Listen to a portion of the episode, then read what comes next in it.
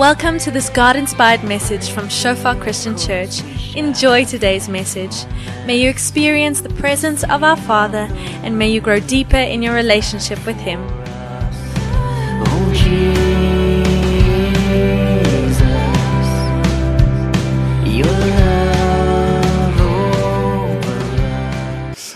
Ekskuus as ek myself nie bekend gestel het nie. Ek's Marie, vir die wat my nie ken nie, almal wat nuut is, baie welkom.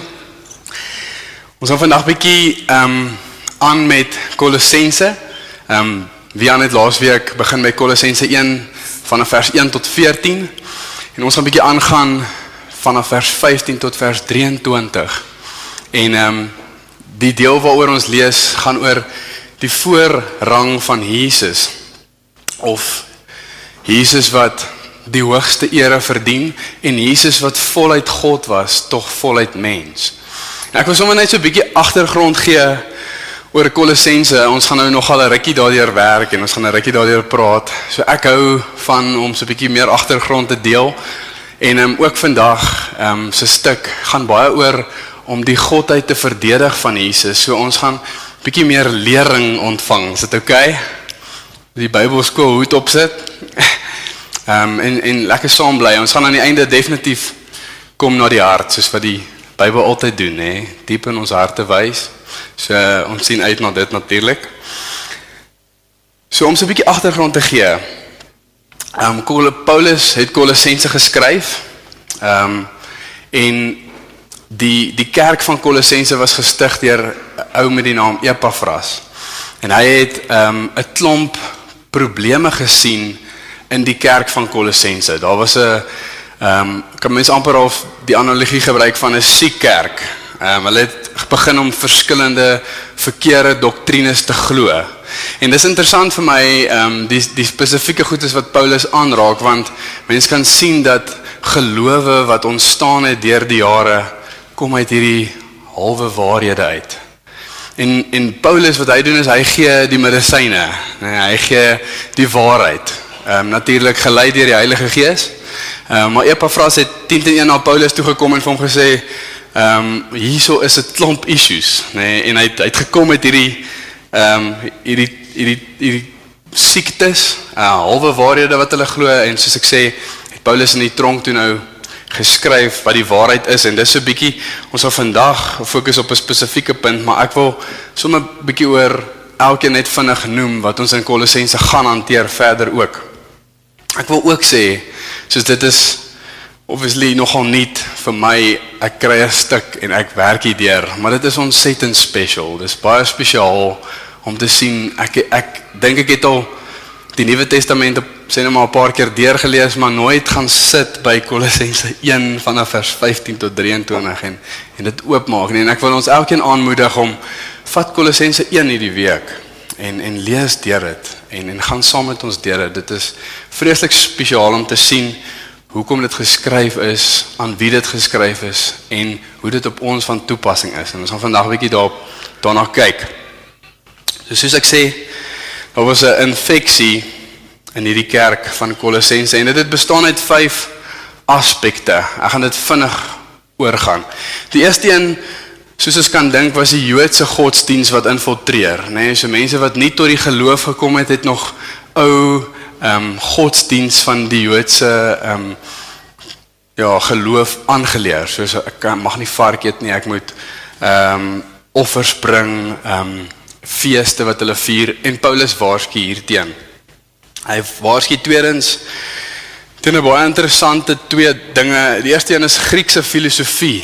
Ehm um, die Griekse het gehou van allerlei misterieuse raaisels. As jy iets as jy sekere goeters weet, het jy 'n groter voordeel in die geestelike. En hy waarsku daarteen. Hy sê nee, dis nie deur enigiets wat ons weet nie. Deur genade is ons gered, nê, deur geloof. Die ander ene is wat baie dieselfde is is die woord asketisme. Dit is as ek myself weerhou van allerlei plesiere wat ook al dit mag wees ook al, dan gaan ek ook geestelik meer gevorderd wees. En Paulus waarsku ook daarteen. Hy sê dit is nie so nie. Nee, dit is gaan alleen deur genade wat ons wat ons gered word. Ons kan nie 'n voordeel bo iemand anders kry in die geloof nie, nê? Nee. Dit was iets wat hulle daai tyd geglo het. Dan het hulle ook um engele of wesens aanbid wat hulle het half gesien God is hierdie heilige God en hy moes half 'n middelaar skep want hy kan nie met ons vereenselwig nie en ons daarom moet engele aanbid. So ook valse lering. Um, ons God wil 'n verhouding met ons hê. Amen. Hy is naby. Hy hy weet hoeveel hare is op ons kop. Dis 'n wonderlike God wat ons dien.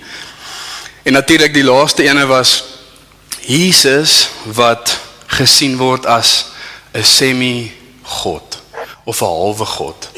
Dis seker die grootste probleem wat ons wat wat ons kan hê in die Christendom as Jesus nie meer God is nie, dan val hele Christendom in mekaar en dit maak sin dat die duiwel dit sal aanval, nê?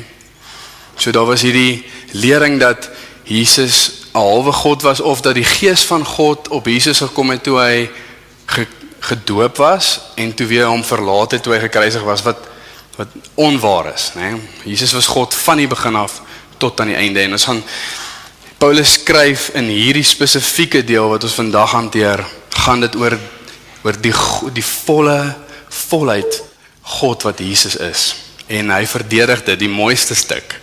Ehm um, hy kan hy kan miskien so 'n bietjie oor jou kop vlieg as jy hom die eerste keer lees, maar ons gaan mooi vers vir vers deur hom gaan. Dan die medisyne wat Paulus gee in Kolossense vir die waarhede is die die volgende goeters. Ehm um, regverdiging deur geloof alleen, nê? Nee? So ons nie deur enigiets wat ons kan bydra nie, maar deur geloof alleen. Daarna sê hy ook dat die Bybel is die autoriteit, die woord van God. Daai het hulle ook geglo dat omdat die skrif deur mense geskryf is, is dit nie heeltemal die waarheid nie. So hulle haal sekere dele uit skrif uit, baie gerieflik, nê. Nee. Ehm um, maar ons weet dat dis God breathed. Elke woord van die van van die van die Here ehm um, is deur hom geskryf, nê. Nee. En dan die laaste een 'n baie belangrike een natuurlik is die die godheid van Jesus. En as jy as jy dit wegvat soos ek sê, dan gee jy Christendom 'n breinkanker, nê. Nee, dit dit val net deur die mat. So ons moet glo en ons sien dit baie duidelik dat Jesus was voluit God, tog voluit mens. so ons gaan twee dinge leer uit Kolossense 1 vandag. Die eerste ding is wie wie is Jesus? Volgende ding is wie is ek? Ek ook vra vandag, wie is jy? Wat jou antwoord? Moenie moenie my 'n naam gee nie. Maar wie is jy, nê? En hoekom is jy hoekom is jy hier? Kolossense antwoord dit baie mooi. Want soos wie aan 'n paar keer gedeel het laasweek as ons verstaan oor God verkeerd is, dan vloei dit uit op 'n sekere manier en gaan ons lewe ook op 'n verkeerde manier uitvloei, nê? Nee, ons gaan onhoopvol wees soos hy ook baie van gepraat het. Iemand wat God reg verstaan en en en geloof reg in hom sit sal hoop hê. So eenvoudig soos dit. So jy het om te te vra voor ons vandag begin. Hoe sien jy Jesus? sien jy Jesus want ons onderlangs en ek as ek jou nou die vraag vra jy natuurlik sê sê ek sien hom as God maar om so 'n bietjie dieper in ons harte te kyk soos hoe lyk dit in my lewe soos is ek besig om te leef op 'n sekere manier omdat ek werklik Jesus sien as as die God van die heelal wat my gemaak het vir hom. Miskien baie mense en dit dit kom af van ons Afrikaanse kultuur af. Ek was lank onder so indruk is dat ons 'n ge gekiesde generasie is. Wat nie die waarheid is nie. Deur geloof alleen word ons gered. Ons is nie gekies dat ons hemel toe gaan nie. Nê? Nee. Hoe sien jy Jesus? Wat is jou idee van Jesus? So kom ons gaan deur die skrif. Dis baie mooi. Ehm, um, so die eerste keer soos ek sê, kan hy baie keer so 'n bietjie groot woordelik klink, maar ons gaan hom afbreek. Ek gaan hom een keer deurlees en dan gaan ons elke deel lekker hanteer. OK, so lees saam met my. Dis van Kolossense 1 vanaf vers 15. Hy is die beeld van die onsigbare God, praat van Jesus, die eersgeborene van die hele skepping. Want in hom is alle dinge geskape wat in die hemele en op die aarde is, wat sienlik en onsienlik is. Trone sowel as heerskappye en owerhede en magte. Alle dinge is deur hom en tot hom geskape. En hy is voor alle dinge. En in hom hou alle dinge stand. En hy is die hoof van die liggaam, naamlik die gemeente. Hy wat die begin is, die eersgeborene uit die dode, sodat hy in alles die eerste kan wees. Want dit het die Vader behaag dat in hom die ganse volheid sou woon en dat hy deur hom alles met homself sou versoen nadat hy vrede gemaak het deur die bloed van sy kruis. Ek sê deur hom die dinge op die aarde sowel as die dinge in die hemel. Hemele. Ook julle wat vroeër vervreemd was en vyandig gesind deur die bose werke, het hy nou versoen. In die liggaam van sy vlees deur die dood om julle heilig en sonder gebrek en onberispelik voor hom te stel. As julle ten minste gegrond en vasbly in die geloof en julle nie laat afbring van die hoop van die evangelie nie. Wat julle gehoor het en wat verkondig is in die ganse mensdom onder die hemel waarvan ek Paulus 'n dienaar geword het. So baie mooi praat dit werklik oor wie Jesus is, dat hy voluit God is, Ehm um, dis die dis die hooftema van hierdie stuk. In die Afrikaanse Bybel sê dit net baie mooi die voorrang van die seun. Rang is die rang, nê, die eerste rank kan jy amper sê. Dis die eerste en die laaste. So vanaf vers 15, kom ons lees en kom ons kyk bietjie daarna. Vers 15 is 'n woelige vers. Ehm um, lyk nie so nie, maar uh, hier's baie dinge wat hier uitkom. Hy is die beeld van die onsigbare God, die eersgeborene van die hele skepping. So eerstens, hy is die beeld van God, nê. Nee. As as Jesus sê wie ook al die Vader sien, het my gesien in Johannes 14, dan dan is dit presies dit, nê. Nee. Wie die Vader sien, sien my, nê. Nee. Wie my sien, sien die Vader. Dis wat hy sê en baie keer sê ons dink ons dink aan 'n pa en 'n seun en ons sal die vergelyking amper tref tussen Jesus en die Vader soos 'n pa en 'n seun. Hulle lyk omtrent dieselfde, hulle het bietjie neigings, maar dis nie so nie. Uh, Engels is 'n mooi woord, exact representative, né? Dis presies dieselfde. Okay, is die beeld van die onsigbare God, presies dieselfde. Dan wat wat hy ook sê wat interessant is van die onsigbare God. Ons en ek dink hierso hanteer Paulus eintlik nog 'n ding. Hy is eintlik so bietjie besig om te sê dat alles wat sienlik is, is nie werklik God nie. Nee, so dit wat ons sien, of dit nou ons vrou is of ons man is, of dit nou geld is of dit ons loopbaan is, versigtig wees sê Paulus. God is onsienlik. Nee, en dit is belangrik dat ons dit onthou en net so 'n bietjie te dink aan is daar goed in my lewe wat ek sien as belangriker. Nee. Eintlik wat Paulus hier hanteer, hy sê sien jy God as as alles, nê? Nee? U is die een wat ons nou net gesing het, nê? Nee? Dan is daar 'n belangrike deel van die tweede deel en hierso het 'n paar gelowe actually ontstaan uit hierdie uit want ons het nou net gepraat van Jesus was nog altyd en nou sê dit die eersgeborene van die hele skepping. Ewe skielik val almal se torre af, nê? Nee? En dit klink amper of Jesus gebore is en dis eintlik maar waar hy ontstaan het. En hierso het 'n klomp gelowe vanaf gekom. In Engels is die geloof is daar geloof Arianism. Hulle sê Jesus is geskep. Hy is eintlik maar net die eerste van die skepping. Wat nie die waarheid is nie. As jy jou jou jou ESV study Bible oopmaak aan die onderkant dan staan daar dit sal verkeerd wees om fisies hieraan te dink. En die rede ek, ek het 'n paar redes vir hierdie, so dis goed. Ek wou dit self ondersoek het. Ehm um, so ons gaan 'n bietjie hierna kyk. Is hoekom is die eersgeborene nie die eerste geboorte nie? So in daai tyd het hulle die eersgeborene gepraat van die eersgeborene seun. Dis amper half 'n term soos soos wat ek sou sê afrigter of of wat ook al of onderwyser, is dit 'n term wat verwys het na die spesiale een. Die eersgeborene seun het die dubbel porsie gekry. Nee, hy was spesiaal. En hier wat wat God sê is hy is die spesiale een oor die skepping. Bet, beter ehm um, vertaal sou wees oor die skepping en nie van die skepping nie. God is werklik ja, die die kom kom ons gaan net deur hierdie skuis. Ja, in Engels verwys dit ook na preeminence. Ehm um, wat beteken spesiaal. So hierdie vier vier ehm um, uh wat kan jy sê redes hoekom dit nie eersgebore is nie. Is die eerste een, hy is God. Hulle sê ook hy het alles gemaak. Nee, God kan nie homself maak nie. Amen. Dit sou nogal vreemd wees, né? Hy is God, hy's die eerste tot die laaste. Die tweede een is daai daai van daai woordjie van is nie ehm um, is amper half oor. So as ek sê hy is die afrigter van die rugby span, dan beteken dit nie ek speel rugby nie.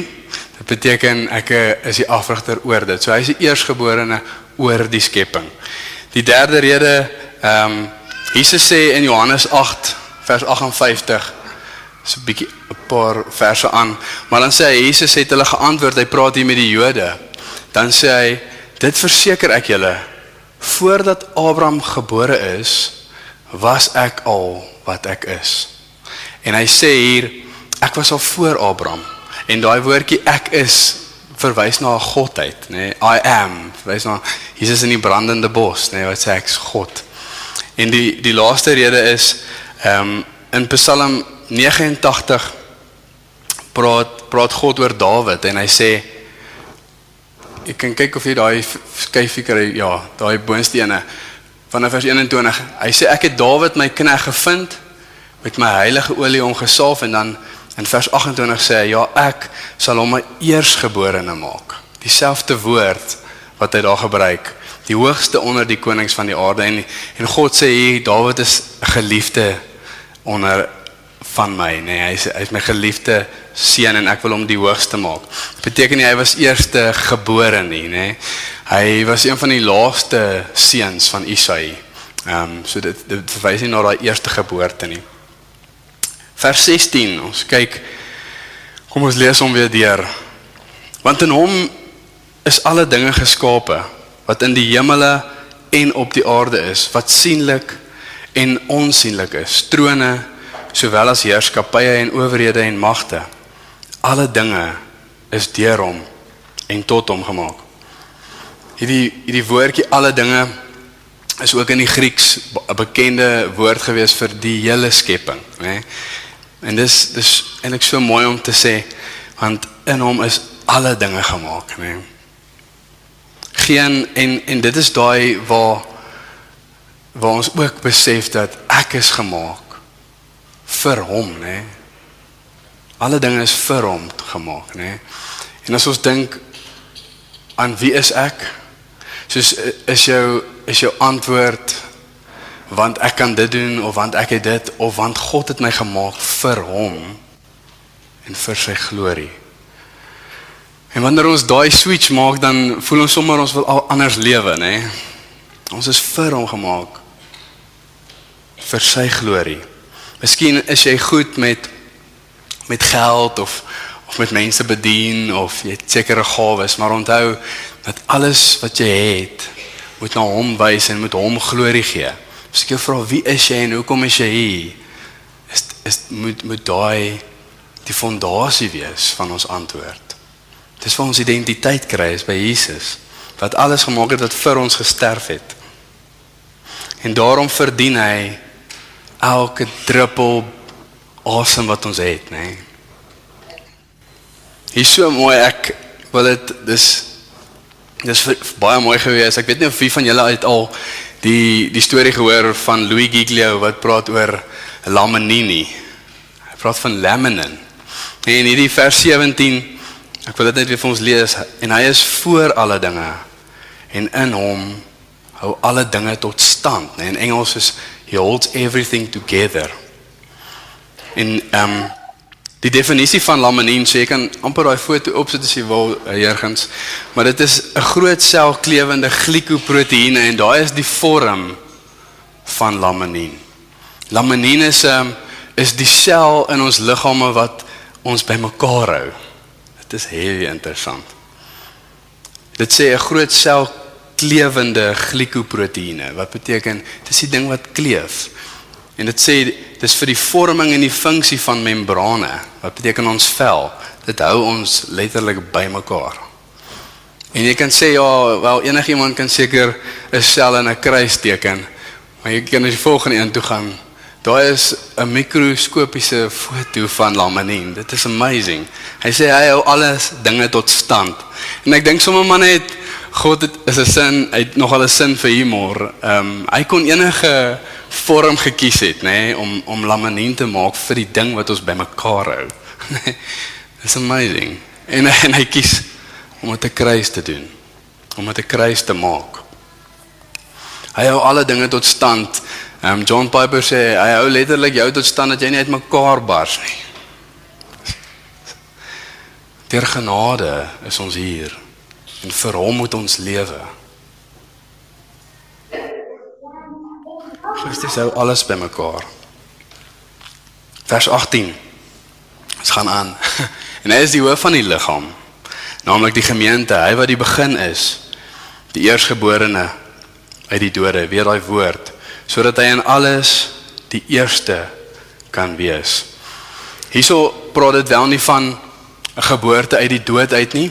Ons kan ons weet dat Lazarus ook uit die dood uit opgewek is, maar hierdie verwys na wat in 1 Korintiërs 15 ook is, is nou nie op die bord nie. Maar dit ek gaan vir julle lees. Dit sê aangesien die dood deur 'n mens gekom het, het die opstanding van die dooies ook deur 'n mens gekom. Net soos almal deur hulle verbondenheid met Adam sterf, so sal almal in Christus lewend gemaak word. Ons almal sal lewend gemaak word eendag en die glorie van God beleef, nê? Nee? En hy is die eerste. Hy is die eerste een. Vers 19. Want dit het die Vader behaag dat in hom die ganse volheid sou woon. En hieso is waar die laaste klomp antibiotika gegee word vir die kerk. Nee, jy kan nie jy kan nie anders as om te verstaan dat Jesus voluit God is as jy hierdie vers lees nie. Dis die die ja, die die die hele waarheid, want dit het die Vader behaag dat in hom die ganse volheid sou woon. Dit sê dat in Jesus die volheid van God woon in in in die Engels. Dalk nie die heel beste Afrikaanse vertaling nie, sorry, ek sien daar staan ESV, dis eintlik die Afrikaanse 53. Maar dat dit die volle godheid in Jesus was. 'n Permanent dwelling, daai die ganse volheid sou woon. Daai woordjie woon is nie dit dit kom en dit gaan nie. Dit is 'n 'n permanente woon. Is nie ge, ge, gekom toe hy gedoop is en gegaan toe hy gekruisig was nie, maar dat dit permanent daar was van die begin af. Jesus was daar toe ons ges, toe die wêreld geskape is, nê. Okay, versie 20. En dat hy deur hom alles met homself sou versoen nadat hy vrede gemaak het deur die bloed van sy kruis. Ek sê deur hom die dinge op die aarde sowel as die dinge in die hemele. Ja. Die koning wat ons gemaak het, nê, nee, wat wat alles gemaak het, het besluit om vir ons te sterf, nê. Nee. En om so daaraan te dink, hy het my gemaak vir hom en en hy het homself neergelê en dood gegaan en gelei vir my tot aan die einde. Dat hy deur hom alles met homself sou versoen nadat hy vrede gemaak het deur die bloed van sy kruis. Ons is die wat versoen moes word, nie hy nie, nê. Hy was die beledigende party, nie ons nie. Daarom verdien hy, soos ek sê, elke druppel asem wat ons het. Vers 21 ook julle wat vroeër vervreemd was en vyandig gesind deur die bose werke het hy nou versoen ons soos Wian het mooi gesê het ons was heeltemal verlore. Nee, ons was nie half daar tussen Zimbabwe en Suid-Afrika op Beitbrug nie sê hy, maar ons was heeltemal verlore, nê. Nee. En uh, hy het ons kom red. Hy is die rede. En as mens kyk na die woordjie vervreemd, ek dink baie keer ek loop nou eendag 'n ouetjie raak en ehm um, hy sien op straat en ek vra vir hom wat het gebeur met jou lewe? En hy sê my boetie het gesê ek ek moet Sekuna toe kom, ek kom van Johannesburg af, maar hy wil niks met my te doen hê nie.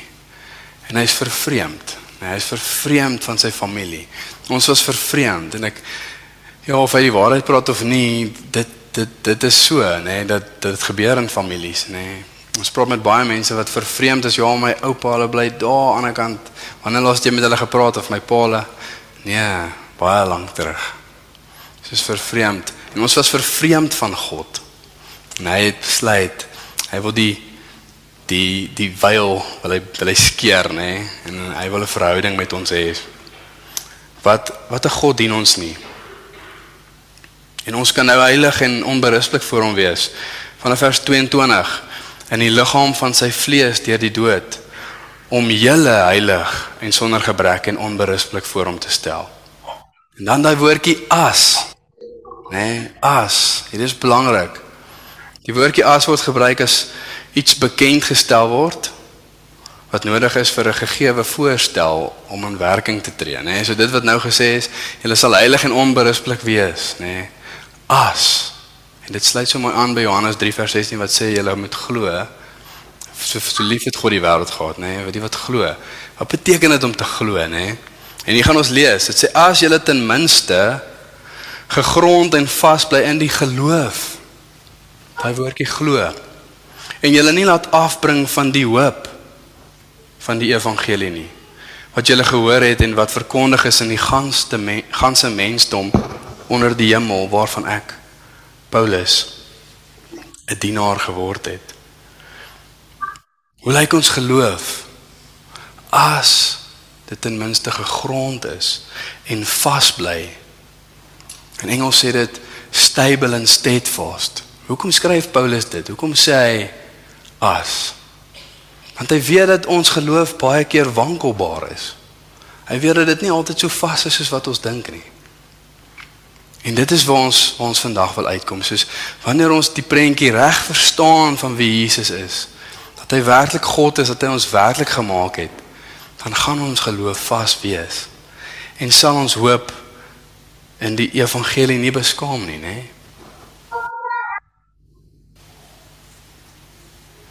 Wat is teenoorgestelde van om Jesus God te maak? Ons maak onsself God, nê? Of ons maak iets anders God. Baie subtiel.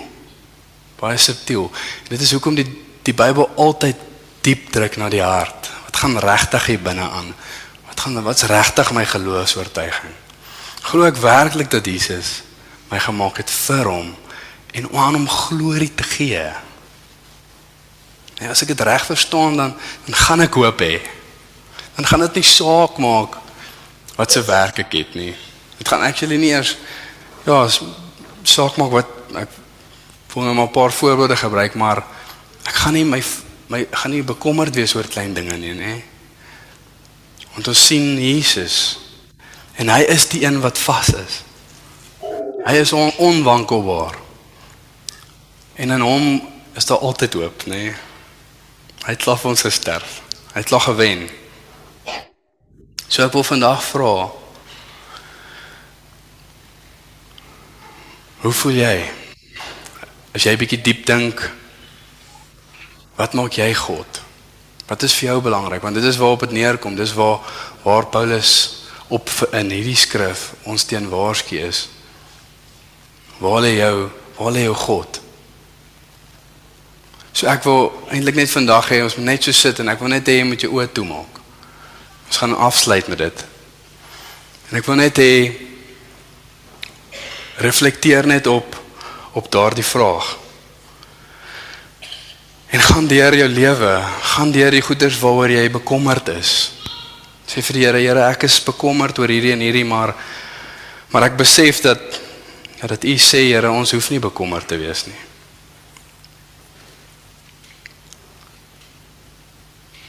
Lê net daai bekommernisse voor die Here.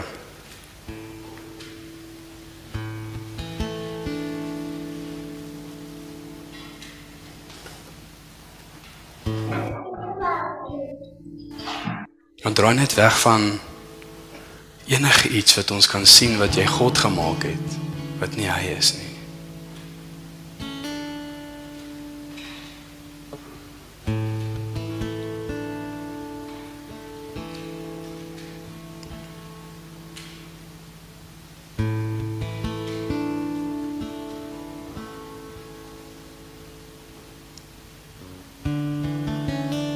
Ja, Jesus ons besef dat dat die duiwel baie subtiel in ons hart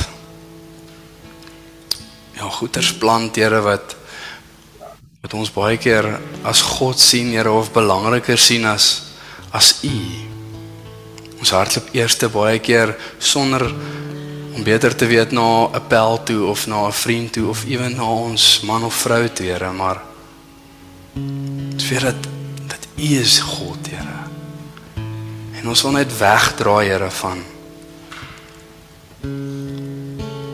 van nie na U toe hardloop nie. Van nie U God maak nie, van nie verstaan dat ek gemaak is, Here, om U glorie te gee vir niks anders nie. Soos op hierdie aarde, Here, deur ons gemaak baie spesifiek spesifieke gawes, Here, om U glorie te gee. Help ons, Here, dit uit te leef. Jesus, dankie dat U voluit God was. Dankie dat U voluit God is, Here. Dankie dat U voluit God gaan wees en in en altyd is, Here. Dankie dat U tot die einde is. Dankie dat U daar was, Here, toe die wêreld geskep is, Here. Dankie dat U vir ons kom sterf het. Here, ons sit U net terug, Here, op die op die troon van ons hart. Jesus naam. Amen. Ons gaan nou 'n paar hier voor wees. Ons wil graag saam met julle bid. Ek ek stel in elk geval voor soos deel dit net met iemand langs jou. bid vir mekaar. Bid vir mekaar om praat daardeur net om die Here werklik weer koning te maak.